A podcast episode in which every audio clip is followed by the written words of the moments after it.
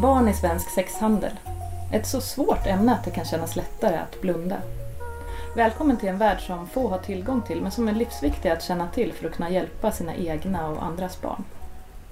Jag heter Caroline Engvall och är journalist och författare och när min första bok 14 år till salu om Tessan som efter ett övergrepp började söka upp sina egna våldtäktsmän för att på något sätt försöka lindra det som gjorde så ont i henne kom visade sig att det var många som kände igen sig i Tessans ångest.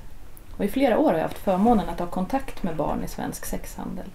Och det kommer att handla om barn som använder sex som ångestdämpning och om barn som drabbas av spridda bilder på nätet. Berättelserna har blivit fler böcker, tv och radioprogram och nu också poddar. De här avsnitten kommer att handla om sår som håller på att läka men främst om vägar framåt. Vägar där man ibland stöter på vägbulor och gropar men som går att ta sig över och förbi. För det går att leva och må bra trots ett tungt bagage. Och med rätt hjälp och stöttning kan det gå ännu lättare. Och sån hjälp finns. Det kommer vi att se bevis på i de här poddavsnitten. På sajten safeselfie.se finns mer hjälp och råd och platser dit man kan vända sig om man är orolig för sig själv, sin kompis, sitt barn eller om man till exempel är lärare eller jobbar inom socialtjänsten. Men det vi ska prata om idag är ett avsnitt som kommer att handla om spridda bilder på nätet och om känslor och konsekvenser kring det är otroligt viktigt i de tider vi lever i nu. Välkommen till en tjej som vill bli kallad Anna men som egentligen heter något annat. Och välkommen också till Linda Jonsson som är socionom och doktor i barn och ungdomspsykiatri vid Barnafrid vid Linköpings universitet. Och du kommer ju tillsammans med Anna berätta om det du ser i ditt jobb och hjälpa till med vägar och strategier framåt just för att hjälpa andra. Mm, hej, kul att få vara här. Välkomna båda två, speciellt till Anna som har samlat väldigt mycket mod för att komma hit och berätta. Hur känns det att vara här? Eh, lite nervöst, men det känns bra. Jag förstår det. Tack snälla för att du velat komma hit. Kan inte du berätta hur du hade det när du var lite yngre? Eh, jag har ändå haft det normalt, eller vad man ska säga. Bodde du hemma hos dina föräldrar? Eh, mina föräldrar är skilda, så jag bodde hemma hos min mamma med eh, några av mina syskon. Eh, Om du tänker tillbaka på din barndom, hur känner Mm. du då? nej, men jag tycker den har varit bra. Jag har haft en familj som ändå är ganska så nära. Eh, alltid haft någon som är där. Och det är jag väldigt glad över. Eh, sen att det inte kanske räckte hela vägen. Det är jag ändå glad över nu, för nu är jag ändå här. Så Mm. det är ändå bra på ett sätt. Hur började det för dig? Ehm, det började med att eh, Lunarstorm var väldigt populärt. Eh, det var väldigt många i min klass som hade det. Eh, då gick jag i sexan så då var jag 12 år ungefär. Och då hade jag även kamrat och då pratade jag med ganska många där. Och till en början så var det ju, alltså jag pratade med killar men det var ju inget sexuellt om man säger så. Eh, men sen ju mer man pratade med just samma kille så blev det mer och mer inriktat på det. Eh, och då började det ju med att en bild är lite mer naknare än någon annan. Eh, Fick du frågor om att skicka bilder? ja, annars hade jag nog aldrig liksom börjat om man säger. Så det var just ja, frågor om att eh, lite mer utmanande frågor varje gång man pratade liksom. Hur kände du då när du fick de frågorna?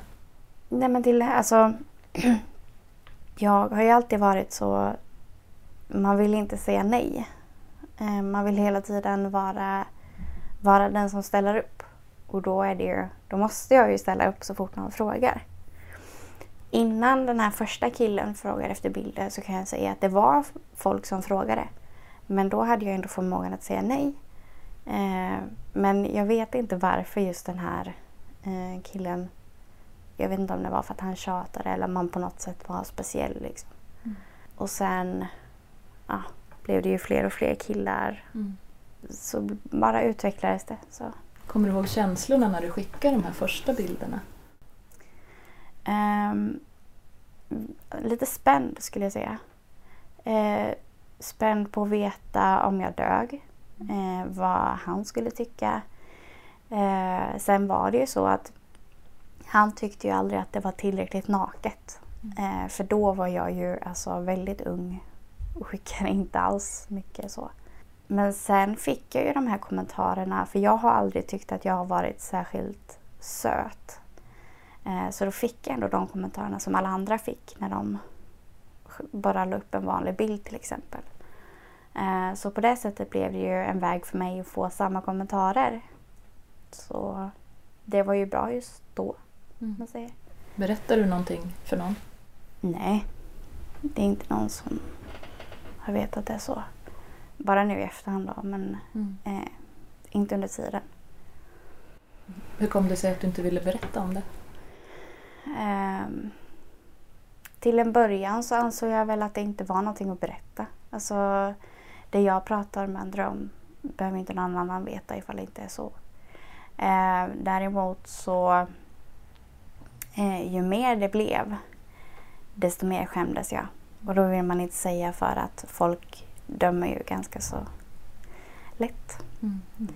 Linda Jonsson, de här skamkänslorna över när det börjar eskalera med bilder, är det någonting som du känner igen i de andra unga som du har pratat med för din forskning? Ja, absolut, det är ju väldigt mycket i det Anna berättar som vi känner igen för vår, från vår forskning och inte minst då det här eh, sökandet efter att få höra att man är fin och, och att det kan vara en drivkraft bakom och, och att det kan då leda till ett eskalerande. Men sen också den här dubbelheten som Anna beskriver, att man å andra sidan känner att det här är inte riktigt bra, jag skäms. Och också därför berättar man inte för någon om det här. Hur gick det till? Du gick i skolan samtidigt. Mm. Och sen när du kom hem, vad hände då? Ehm, nej men på dagen så gick jag i skola. Och eh, ehm, då var det väldigt mycket, alltså det var väldigt populärt att sitta vid internet så här. Mm. Eh, och till en början så hade vi inte internet hemma. Så då satt jag väldigt mycket hos min, eh, min bror. Eh, men sen då när vi hade eh, dator och så hemma så, så var det det jag gjorde på kvällarna. Alltså jag kunde säga nej till kompisar för att jag ville sitta och prata med folk som jag inte hade någon aning om vem de var. Så det var så, alltså jag satt verkligen jämt på min fritid eh, vid datorn. Och du, vad fick du för kommentarer från de som var på andra sidan skärmen? Men det är alla sådana här kommentarer man vill höra. Att jag är finast i världen, liksom. vem vill inte höra det? Men, men också att, att min kropp dög. Alltså det som man inte, mina kompisar såg inte såg. Det såg ju de. Och det fick jag ändå bekräftelse på. Triggade det här dig att skicka fler bilder eller mer Mm. nakna bilder? Eh, dels fler bilder till eh, fler killar. Och även eh, lite naknare bilder. För så fort man, eller i alla fall jag, har tagit ett steg så är det väldigt enkelt att ta det andra steget också. Ehm, och att man då får ännu mer finare kommentarer så är det så himla mycket mer värt det om man säger just då. Hur kändes det efteråt? Om man säger att jag satt vid datorn eh, och skickade bilder och sådär, pratade med killar, eh, så eh, kändes det bra tills jag stängde av datorn. Då kunde det kännas bra ett litet tag efter och sen så kom det liksom som en smäll rakt på mig. Och hur kändes det då? Nej men att man var äcklig. Att man var dum, att jag inte kunde få någon för att det är väl ingen som vill ha en sån tjej liksom. Men allt i det här var ju typ sökandes efter att få en kille. Och jag trodde att det var en väg till att få en kille för att alla vill ju ha eh, en snuskig tjej typ. Men eh, nej, efteråt eh, så ja, då mådde jag dåligt. Mm. Hade ni pratat mycket om det här hemma just med internet och värderingar och hur man hittar någon att vara med i livet? Eh, nej, alltså min mamma eh, förstår sig inte riktigt på teknik. eh, men så jag har väldigt lätt kunnat swisha bort alla dåliga saker. Eh, hon har ju läst i tidningar att det här har hänt eller liksom så. Men då så säger jag att nej, det händer inte mig. Jag gör inte sånt. Ehm, och hon har haft liksom tankar på att jag sitter väldigt mycket vid datorn och att Nej men att man skulle minska det då. Men i och med att jag ligger steget före i tekniken liksom, så kunde jag ju väldigt enkelt göra det jag ville ändå. Vi ska komma tillbaka till just vad föräldrar kan göra för att, för att se sina barn. Men jag tänkte bara bolla över lite till, till Linda. Hur, hur tänker du när Anna berättar om just att man triggar sig själv att lägga upp värre och värre bilder för att det inte duger med, med de första man skickade utan man det eskalerar? Ja, det, det är också något ursäkta, som vi känner igen från forskningen eh, såklart med intervjuer med ungdomar. Men, men, eh, och vi, vi, kan se liksom olika skäl till att det eskalerar. Och, och, du var inne på det där att du kanske, du kanske vill ha fler kontakter eller du kanske eh, ja, att de pressar på. För det är något som vi har märkt i, i de här intervjuerna som jag har gjort att det, det är ganska mycket tjat, hot, rena hot.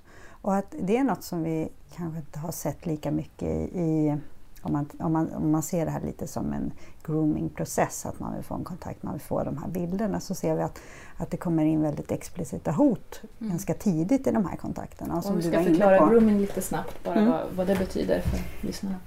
Ja, man brukar ibland prata om att eh, kontakter på nätet, just det här att man, man eh, successivt eh, man, man, skapar en kontakt som sen då leder in i en, vad ska man säga, en sexuell relation slash sexuellt övergrepp och hur det här kan gå till då på olika sätt. Och man har ju under flera, många år har man ju studerat det här i en eh, offline-värld så att säga. Hur till exempel en, en förövare eh, man kan säga förbereder ett barn för ett övergrepp och liknande processer ser vi ju då eh, på nätet och det kan ju också vara med, med jämnåriga.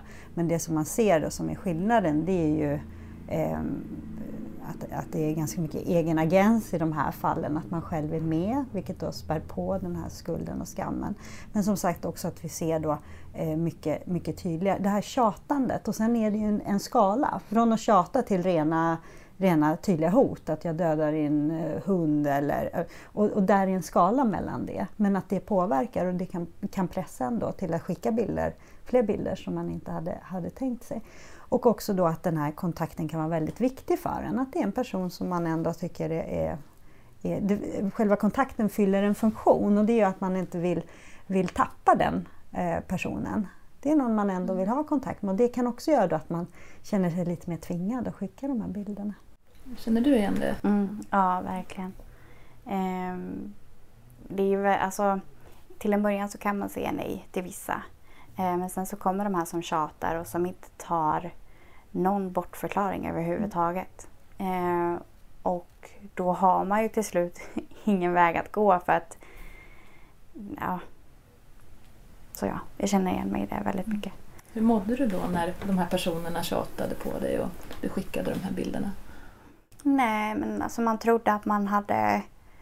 Alltså säg att de, de har hotat en eller, eller så, då känner man ju att man har räddat det.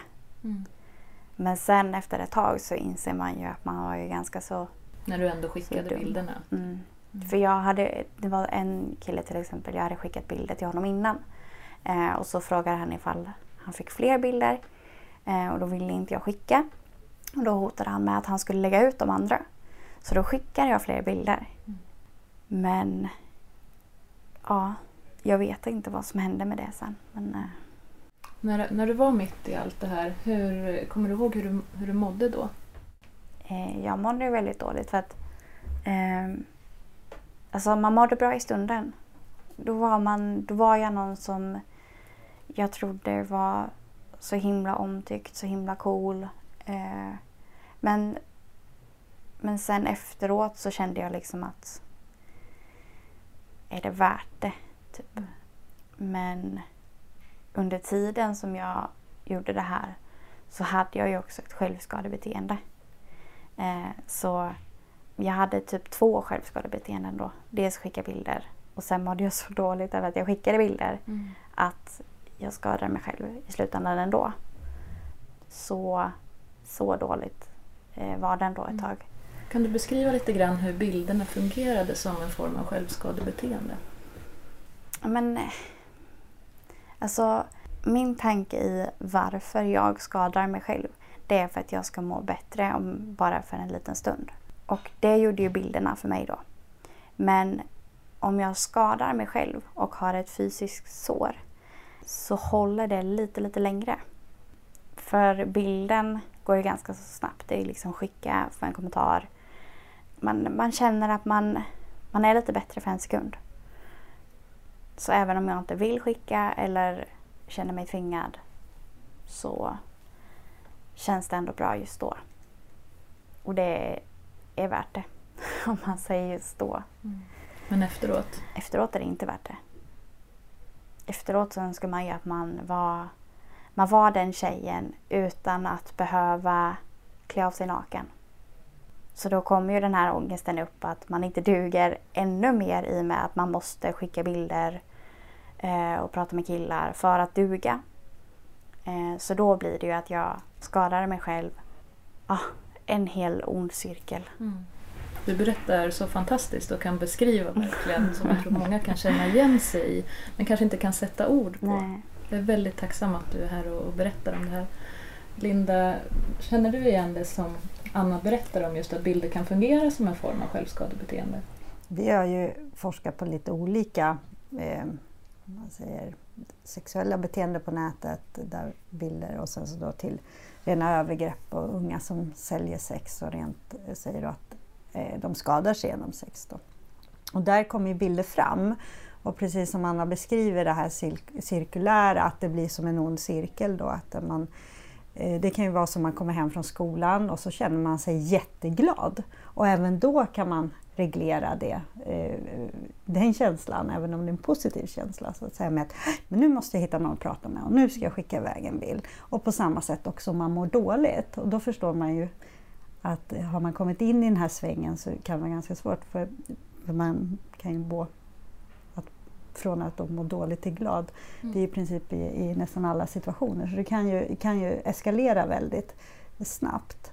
Eh, men det som jag tänker skiljer lite från eh, annat självskadebeteende, med att skära sig, och, så det är ju att du, du har ju någon på andra sidan.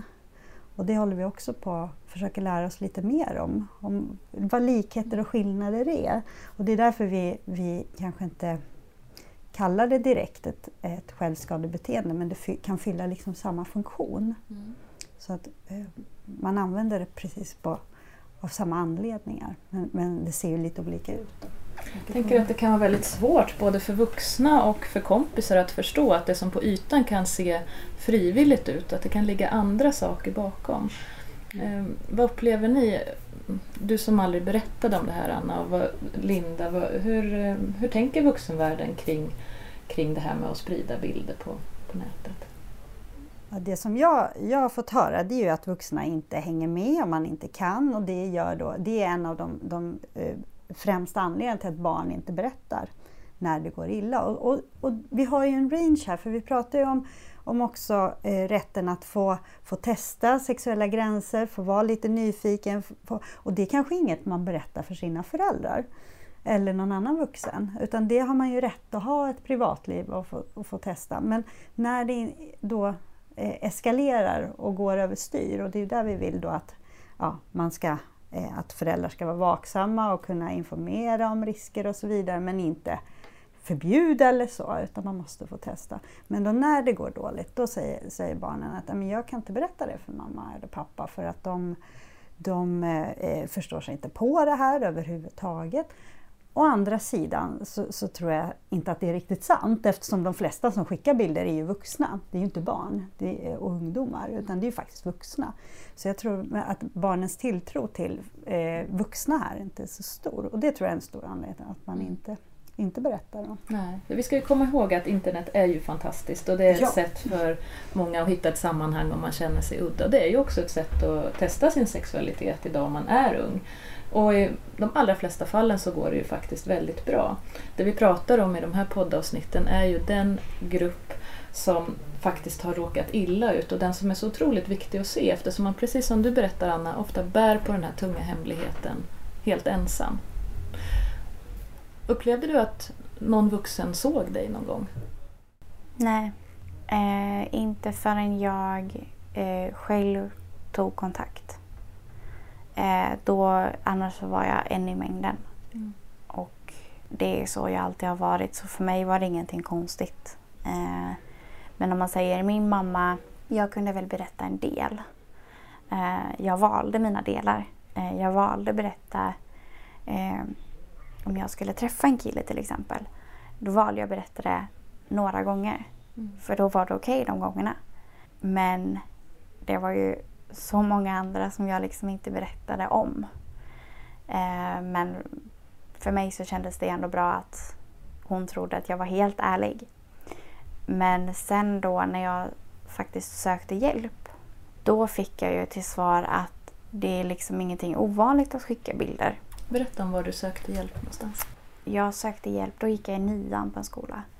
Eh, och sökte hjälp på, hos kuratorn där på skolan.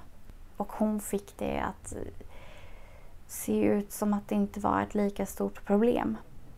Eh, jag vet faktiskt inte om det är bra eller dåligt på det sättet för att eh, det var inte så att jag bara slutade tvärt. Men det hade kunnat gå bättre. Hon sa till dig att hon kände till det här problemet? Ja, det var, det var många som vanligt. gjorde det. Eh, och vissa, vissa vuxna kan väl hjälpa men jag har... Ja, viss, vissa är bättre än andra. De som var bättre, vad upplevde du att de gjorde? Eh, hittade andra vägar. När jag började på gymnasiet så fortsatte jag kontakta med kuratorn där. Och eh, då hade jag ju ändå fortsatt att prata med killar i och med att mina återfall kom tillbaka för jag, hade ing, alltså jag kunde inte sluta. Mm. men hon, hon, fick ju, hon såg ju hela problemet. Att det spelar ju ingen roll hur många fina komplimanger jag får om jag själv trycker ner mig så pass mycket. Så vi började jobba med mig själv istället och sätta små utmaningar som att säga nej. Eh, så hon, hon var bra. Hur kändes det då när du fick börja säga nej? Väldigt, väldigt jobbigt. Eh, då kom ju de här också katastroftankarna. Att eh, nu är det verkligen ingen som tycker om mig. Och, ja, nej, men man vill att alla ska tycka om en men bara för att man säger nej så tror man att, att ingen, ingen gör det. Mm. Vad märkte du sen när du väl började logga ur och inte svara? Och vad hände då? Väldigt många tyckte att man var väldigt dum. Alltså just det här att, eh, att man måste klara av att, eh, hur ska man säga? Alltså vissa är så pass töntiga att de inte kan ta ett nej. Mm. Eh, Medan andra ändå accepterar det. Så att det är väldigt olika på vem det är. Men de som inte kan ta ett nej eh, finns ingen anledning till att prata med har jag kommit fram till. Mm. För det finns ingenting i dem som, som ger mig någonting gott. För du ville sluta på egen hand? Ja, det gjorde jag ju många gånger. Det var många gånger jag raderade allting eh, och tänkte att nu ska jag liksom börja nytt liv. Typ. Men så kommer de här dipparna. Eh, då man känner att man, man någon dag har haft fult hår eller någonting. Då, måste, alltså, då har inte jag kunskapen, eller då hade jag inte kunskapen att att kunna ge mig eh, självförtroendet själv. Och då blir det enkelt att jag vet en väg och den är så enkel. Så då tar man den hellre än att, att kämpa sig förbi. Och hur valde du ut en vuxen person att prata med?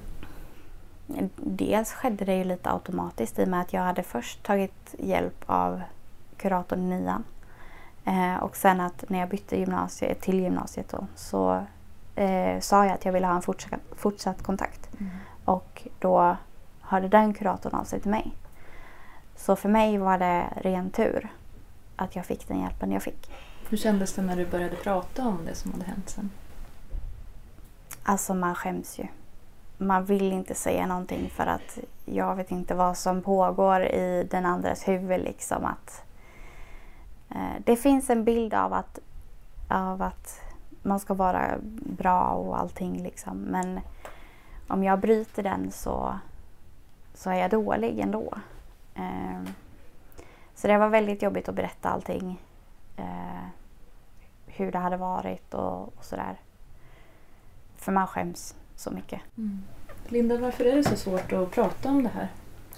Ja, igen så tycker jag att Anna berättar det så bra själv. Att det är ju, samtidigt som det är något man verkligen behöver, man har hittat en väg som funkar, i alla fall som en quick fix. Och sen, men sen så då lämnas det kvar då eh, rädslan att de här bilderna ska spridas och eh, att man tycker att man är äcklig. Att det, tycker man, det var inte alls egentligen vad man, vad man vill göra som sagt, men man har inte några andra metoder att hantera den här situationen just då. Och det, det är ju klart att det gör det jättesvårt att berätta om det. Och det är privat, det är ens kropp.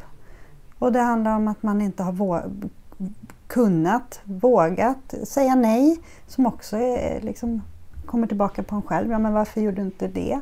Och i andra änden då så har vi de här föräldrarna, lärarna, alla som möter barnen. När, när man börjar, eh, om man får höra en sån här berättelse, då är det ju eh, liksom 1A. Du ska inte skuld, skambelägga, ifrågasätta. För det är det man, man, kanske som vuxen gör. Men varför gjorde du det där? Det var ju dumt. Varför var du ute på den sajten? Då fattar du ju vad som ska hända. Och det blir naturligtvis rent kontraproduktivt i en relation med, med en ungdom eller barn som vill berätta om det här. Så om någon lyssnar på det här och, och vet att någon gång kommer man kanske att möta ett barn som var i annan situation eller är fortfarande. Hur ska man då som, som vuxen person reagera på en sån berättelse?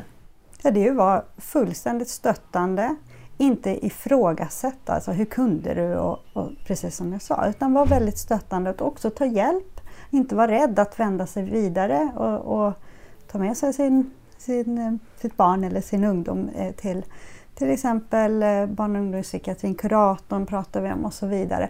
Att man avlastar rent praktiskt också. Alltså, ja, men nu har jag ringt den här, det här kan vara bra att prata om och så vidare. Ibland kan det ju vara så att man faktiskt inte får en berättelse men att man blir orolig för eh, barnet eller den unga mm. personen.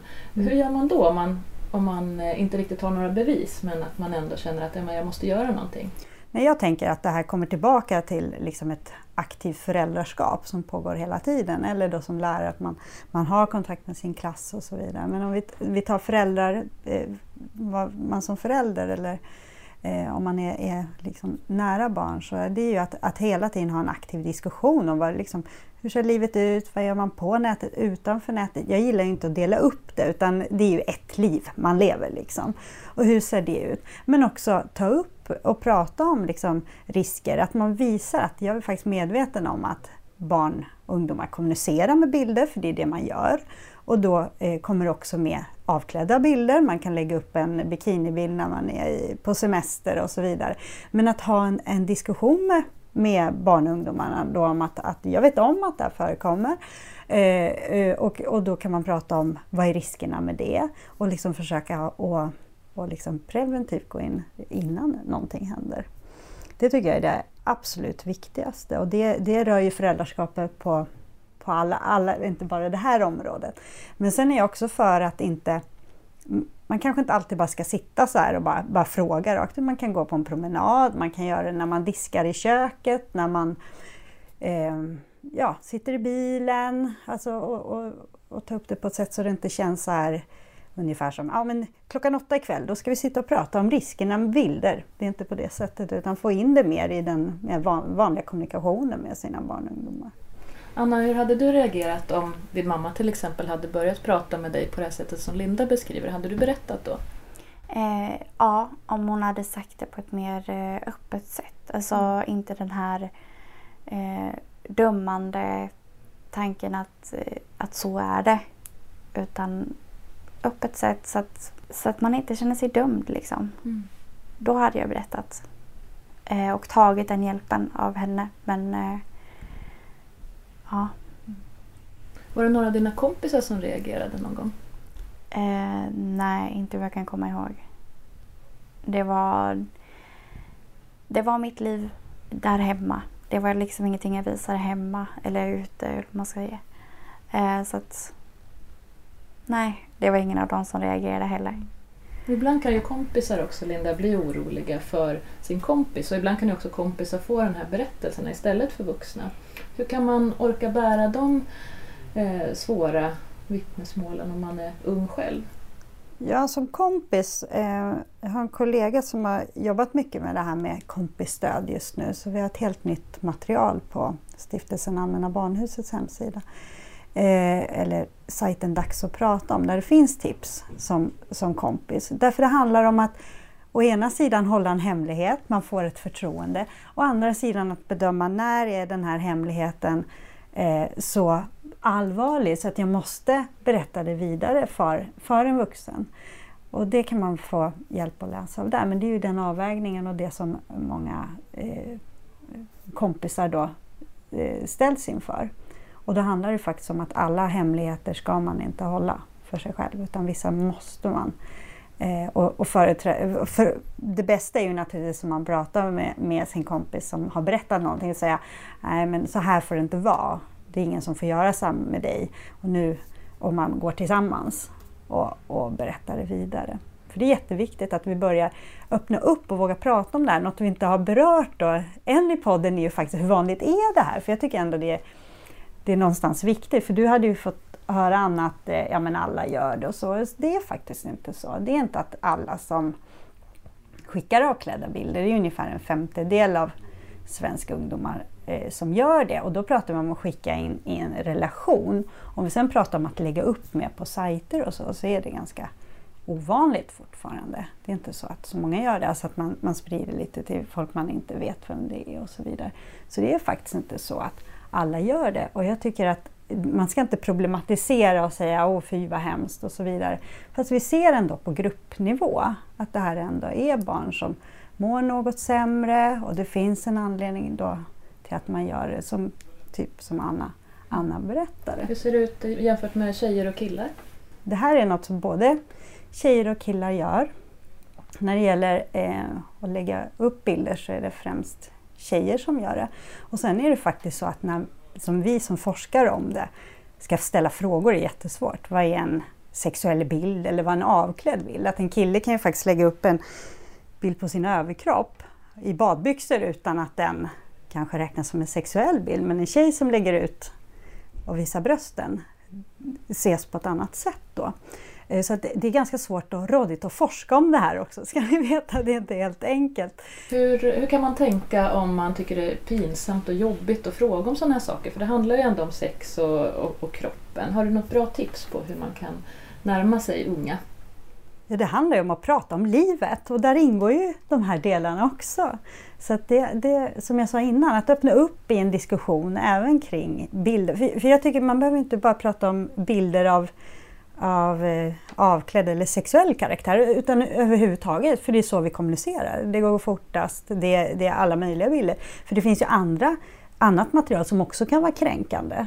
Så det handlar ju om att, att prata om eh, överhuvudtaget, hur man kommunicerar mm. med varandra. Hur man är en bra medmänniska, en kompis och så vidare. Och det är också något som jag verkligen passar på att lyfta. Och det, vi har sån, sån fokus idag på de som lägger ut bilder eller de som faktiskt far väldigt illa och är offer i de här situationerna. Medan jag tycker att utifrån eh, lärarens roll och så vidare. Att det är jätteviktigt att lyfta spridarna, de som sprider det här materialet. Att om det kommer eh, avklädda bilder tar vi nu då eftersom vi pratar om det. Då, då, har man ett ansvar för den här bilden, man ska inte sprida den vidare. Och om vi kunde börja liksom fokusera faktiskt på de som ska, skadar andra, så att säga, eh, tror jag att vi skulle vinna väldigt mycket. Mm. För i våra studier visar man också att, visade, det säger också att de som eh, hade skickat bilder också skickade runt på andra. Och sen så tänkte man inte riktigt så att det kunde skada någon utan åh, men vilken rolig bild eller, och så vidare. Så skickar man det vidare. Man förstod inte riktigt hur illa man faktiskt kunde fara eh, av det här materialet som sprids. Så det tror jag är viktigt också att prata om. Men jag tänker bara eh, att det är ju inte fel att skicka bilder. Nej, det är ju fel för de som sprider. Precis. Ja. Mm. Och Linda, du har ju också tittat på hur barnen mår, de som drabbas av just sexuella övergrepp på nätet. Kan du berätta mm. lite om det? Det eh, håller vi på att titta på just nu så vi är inte helt eh, eh färdiga i alla analyser och så. Men det är något som vi verkligen har tyckt fattas. Eh, för man, om man jobbar eh, kliniskt med barn och unga som drabbas på nätet och det finns ju flera kända rättegångar och så, man kan läsa i domslut och så, att man förstår att det här är väldigt allvarligt, man kan fara väldigt illa. Men vi har inte vetat riktigt hur illa.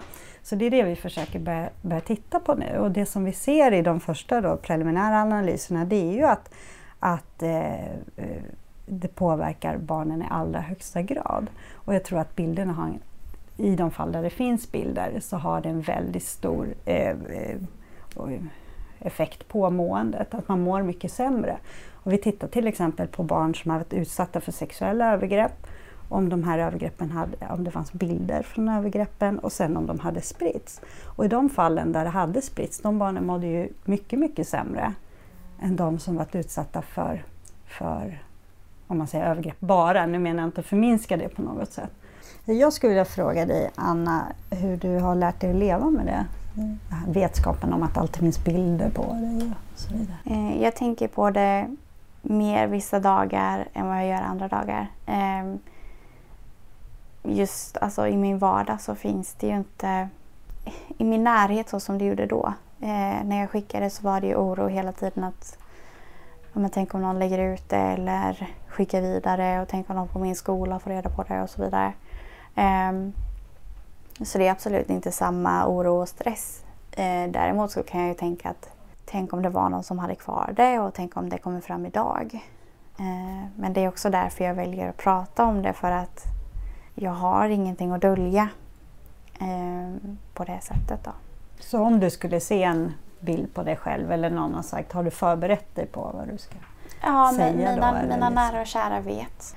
Och det känner jag att de har accepterat mig ändå. Eh, och de skulle bara hjälpa mig i det här. Så det är liksom ingenting som jag känner är jobbigt eh, idag. Hur reagerade de när de fick veta vad som hade hänt dig? Min syster eh, blev väl lite chockad. Eh, men hon var inte, alltså det var lite så här, vi pratade om det eh, och så bara pratade vi om någonting annat helt plötsligt. Var det du som berättade? Eh, hennes, hon hade en nära som gick bort. Eh, och då kom vi in på det att han hade mått dåligt och lite sånt där. Och då kom vi in på att jag också hade mått dåligt och att jag förklarade för henne hur det var. Eh, och berättade även då. Hur kändes det att berätta? Skönt. Inte behöva hålla det för sig själv. Eh, men sen är det ju väldigt skönt också för att min sambo vet ju också.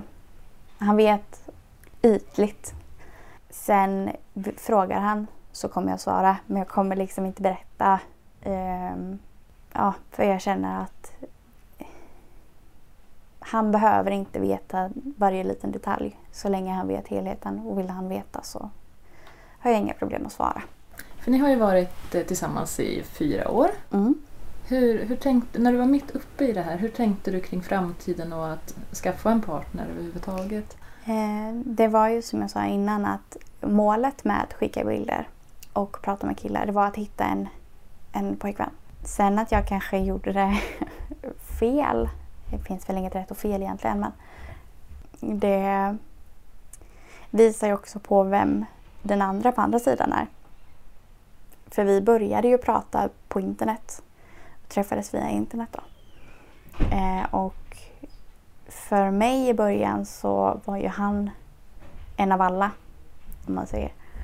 Men eh, sen ju mer vi pratade eh, så övergick det från att vara snuskigt samtal till att faktiskt betyda någonting. Och han såg, han såg mig. Så det blev, alltså så många gånger som jag har försökt sluta och hela tiden fått ett återfall för att jag inte har någonting att luta mig mot. Eh, så var det nu en, en verklig hjälp. Alltså, nu fanns det verkligen en anledning till att jag, jag ska inte skicka bilder för att mm. jag har honom och jag vill ju ha kvar honom. Så på det sättet blev det en ganska bra övergång för att alla fina kommentarer jag ville ha och, och fick från alla andra får jag nu från honom. Eh, och det är en helt annan bekräftelse. Dels från honom och dels från mig själv. Eh, så att för mig var det en väldigt lugn övergång om man säger från att jag slutar ändå. Eh, och sen har jag inte haft något eh, återfall eller, eller så. så det... Om du mår dåligt idag, hur hanterar du det då? Eh, dels säger jag det till min sambo. Eh, och eh, alltså jag är väldigt öppen med vad jag känner. Är jag ledsen så säger jag det. Är jag, ja, så, eh, men det är också det att jag har lärt känna mig själv på den här resan. Och det är via det som jag kan vara glad. Alltså mm. så mycket mer än vad jag, vad jag var innan. Finns det någon annan person än din sambo som kan fylla det här behovet du har av att höra att du är bra och så vidare? Eh, jag själv, skulle jag säga. Vad fint att höra. Mm. Om någon person som lyssnar på det här känner igen sig och kanske är mitt uppe i det som, som du var i då med att skicka bilder och ha svårt att säga nej. Vad skulle du rekommendera den personen att göra? Eh, ha ett mål. Hitta någonting som är värt att få alla de här dumma kommentarerna istället. För att eh, har du ett mål så har du någonting att luta dig emot. Och då är det så mycket enklare än att bara sluta. Vad säger du Linda om hur man kan hitta vägar ut, vägar framåt? Ja, det gäller ju att som sagt lära sig leva med att, att de här bilderna finns. Och jag ty tycker det kan vara bra att tänka tanken. Vad, vad, skulle hända om någon såg de här bilderna? Hur reagerar jag då? Och vad säger jag då? Men, men också tillbaka till det här att det är, det är fullt tillåtet att skicka bilder. Det får man göra. Så man gör inget fel utan det är den på mottagaren som gör någonting fel beroende på hur det används eller sprids och så vidare. Och, och det är viktigt att peppa upp sig med. Och att det är en ganska mänsklig grej att skicka bilder på sig om att man vill höra att man är bra och fin. Som sagt att, att peppa upp sig själv, att det här är faktiskt inte mitt fel. Utan eh, hanteras de här bilderna fel är det någon annan som har problem och det är deras fel. Och när kan man behöva anmäla det här till polisen? Ja, det är just om man känner att man har blivit hotad och kränkt i situationen när bilderna framställdes naturligtvis. Och då är det jätteviktigt att spara alla bilder, alla chattloggar, allting. För det är inte ditt fel, det, men det är jättebra bevis att ha kvar. Polisen kan ju hitta allting sannolikt, men, men man kanske inte alltid prioriterar det, tar, tar mycket tid och så. Utan peppa upp dig själv och tänk, ja det här är faktiskt inte mitt fel. Det är någon som faktiskt har utnyttjat mig och utnyttjat att jag eh, mådde dåligt eller hur det nu var. Så spara, spara, spara allting och, och säg som det är och hur det har gått till. Om man som förälder lyssnar på det här och man har haft ett barn som har varit med om det här, hur kan man fortsätta peppa det barnet att försöka fortsätta må bra? Det som vi har pratat om innan, att liksom ha en pågående öppen diskussion, att prata om det här ungefär som man pratar om andra saker. Eh, som är att vi ska, ja, helt vanliga saker som att man åker på semester eller hur är det i skolan, hur är det med, med eh, eh, sociala relationer, alltså i skolan och så. För jag tänkte på det Anna, du berättade innan att, att du, det tog väldigt mycket tid det här för dig så jag blev lite nyfiken på att höra hur det stod till med dina kompisar i, alltså i skolan och i verkliga livet. Hur det funkar. Um, alltså när det började så umgicks jag inte så mycket med mina kompisar i, på fritiden och på helger. Eh, och sen eh, när jag började på gymnasiet så hade vi liksom vissa dagar som vi träffades och då kunde jag liksom ändå prata de andra dagarna om man säger mm. så. Mm. För det blir ju en viktig balans tänker jag som förälder då, för vi var inne på det, din mamma hade ju varit lite orolig för att du var mycket ute på nätet. Och, och det är ju klart att, att man får inte, man ska ju inte låta barnen vara så pass mycket ute på nätet så att det påverkar sociala relationer i verkliga livet samtidigt, eh, i verkliga livet låter så töntigt, men ni förstår vad jag menar, i skola eller mm. utanför, utanför nätet så att säga. Men det som man måste komma ihåg också är att eh, kontakterna man har på nätet är precis lika viktiga och att de kompisar man har i skolan har man ju också kontakt med på nätet, så det här är ju livet. Så det, det är ju inte bara eh, datortid det här handlar om eller hur, hur länge man är uppkopplad, för i princip är man alltid uppkopplad med smartphones utan det handlar ju faktiskt om vad man gör när man är ute på nätet. För det här är ju, med barn och ungas nätanvändning är ju ofta upphov till stor konflikt konflikter i familjen, hur mycket tid man ska få tillbringa och just det här ämnet som vi pratar om idag kan ju ofta göra föräldrar och lärare skräckslagna. Mm. Och en del reagerar med att vilja ta bort internet från sina barn, en del skolor stänger av vissa sajter. Linda, vad kan det få för följder om man gör så? Jag tror inte på förbud och förhindra. I vissa fall så måste det vara så. Och jag tänker också på din eh, berättelse där Anna, att när man har, om man är inne i ett väldigt destruktivt beteende som man inte kan ta sig ur, där finns det skäl, tycker jag, att begränsa då eh, dataanvändande och så. Men för, för andra ungdomar så det är klart att, att eh, man ska ha regler. Att till exempel, ja, man, man får hitta i sin familj vilka regler man ska ha. Men om vi äter middag då har vi inte eh, telefonen på bordet och så vidare. Så har man sina egna regler så att man ändå begränsar så att man ändå har ett liv också där, inte, där man inte alltid är online och läser sms och så vidare hela tiden. Och jag träffade en polis för ett tag sedan som var som naturligtvis ser då det mörkaste, mörkaste. Hon sa jag skulle aldrig tillåta mina barn till exempel ha telefonen i sitt eget sovrum och så vidare. För du har inte riktigt koll. En del ligger på kvällarna och textar och så vidare. Så, så i hennes familj hade de hittat, eh, ja, hittat metoder för att, för att begränsa mm. användandet. Och det tror jag, men det innebär inte, en begränsning innebär inte ett förbud. Hade du Anna behövt något, några sådana gränser tror du? Ja, det tror jag. Eh, men jag tror också att det är väldigt viktigt att, att man in, som förälder eller vuxen inte bara säger att nu får du inte göra det här. Mm. Utan att man kommer överens om någonting som känns bra för båda två. Mm. Eh, så hade min mamma sagt till exempel att eh, ja, ingen dator efter klockan nio eller tio eller så. Mm. Då hade jag varit okej okay med det om vi hade kommit fram till det tillsammans. Eh, men hade hon förbjud, alltså förbjudit mig då hade jag ju strävat mot det och gjort det ändå. Typ. Så jag skulle säga komma överens om någonting som känns bra för båda två och som är säkert. Det som jag också har tänkt på, för vi pratar ju om att förbjuda vissa sajter och så, att ungdomar i våra studier, de har ju eh, sagt att de har väldigt stort förtroende för många sajter. Eh, och det är oftast då de som är väldigt stora. Och då tror man att är det stort då är det också säkert, vilket det inte alls behöver vara. Och där tror jag också man som förälder måste bli mycket mer aktiv i vad är det för typ av sajter och mognad och hur mycket man, man eh, faktiskt klarar av. Men den här tilltron spökar till det lite, att man kanske ibland också drar på lite och det tycker jag är Linda, vad har, vad har ni sett i era studier när det gäller hur unga tänker kring sin egen säkerhet? Just när det gäller bilder. Väldigt mycket. Att det är inte så att man bara tar en bild och så plopp är den iväg. Utan när det gäller de här avklädda bilderna så finns det väldigt mycket som man tänker på. Till exempel eh, att eh, bilderna inte ska vara identifierbara. Och det är framförallt om man lägger upp när det är någon som man inte känner då på andra sidan eller vet så mycket om. Och, eh, medan då man skickar till sin partner, då kanske då har man sett varandra flera gånger. De bilderna eh, då tenderar att vara lite mer eh, avslöjande, så att säga, identitetsavslöjande. Men man är också eh, försöker vara försiktig med vilka sajter man eh, lägger upp sig på eller då hur man skickar och också vem man skickar till. De ungdomar vi har, har intervjuat pratar jättemycket om tillit. Att det måste vara någon du litar på.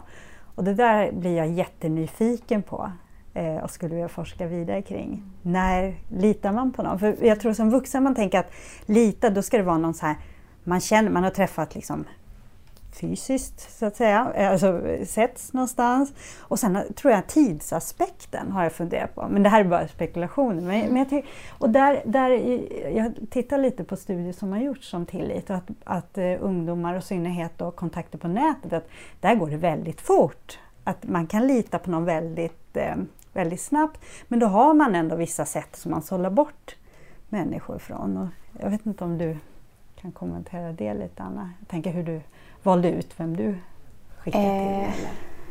Alltså till en början så var det ju lite mer att eh, man kanske hade pratat lite längre med någon.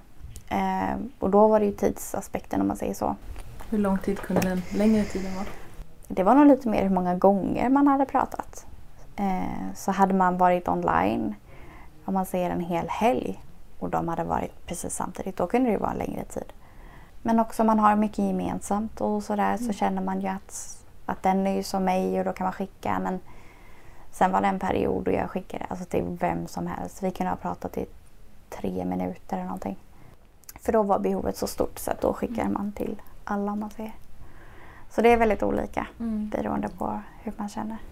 För Anna har ju berättat mycket om just den här bekräftelsen, den snabba kicken som man kan Mm. få just på nätet när man skickar bilder. Och det har ju du också sett i din forskning Linda, att bekräftelsen är viktig, nyfikenheten och att man faktiskt Mm. också kan gå igång sexuellt på att skicka de här Mm. bilderna. Vad ser du mer för anledningar till att unga skickar bilder på nätet? Jag tycker då, vi har nämnt de här huvud, eh, huvudanledningarna så att säga. Men det är det här eh, också liksom att testa, testa lite, det är spännande. Man kan vilja eh, liksom se hur mycket man kan göra med en annan person för det är ju också liksom en, en kommunikation. Men sen har vi också den här, naturligtvis den här hotbilden och, och tjatandet har jag hört mycket om, att det tjatas. Eh, Men också att man tror att det ingår i en, i en relation. Alltså att om man är, har en partner, och i synnerhet om man kanske inte ses hela tiden, om man bor på olika orter eller vad, vad än det nu kan vara. Eh, att det är en anledning att man, man tänker att ja, men det, det ingår och det behöver inte vara så. Det är inget fel. Men, men eh, det behöver inte vara så. Anna, hur tänker du när du ser tillbaka på ditt liv idag? När du har kommit några år framåt? Eh, just nu så känner jag att jag ångrar ju ingenting. För att det är en, eh, en lärdom dels av mig själv. Att jag har lärt känna mig själv otroligt mycket. Eh, men också att det har ju faktiskt lett mig till den jag är idag. Och jag är väldigt nöjd med den jag är idag. Ehm, och det finns ingen anledning till att jag ska sitta och ångra vad jag har gjort. För att jag kan inte göra om det ändå.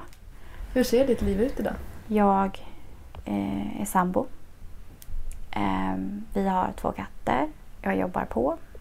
Jag ett vanligt, vanligt liv som jag alltid har velat ha. Fantastiskt att höra. Mm. Eh, Jag är så glad att du har velat berätta om det här och just visa också att det finns en väg framåt och det går att må bra. Man kan tänka tillbaka på det som har varit men ändå känna att det tillför någonting i livet och att man har lärt sig någonting av det. Mm. Jag är jättetacksam Anna att du ville komma hit idag och eh, tack också till Linda Jonsson som har delat med sig av sin kunskap från forskningen. Tusen tack till er båda. Tack så mycket. Tackar.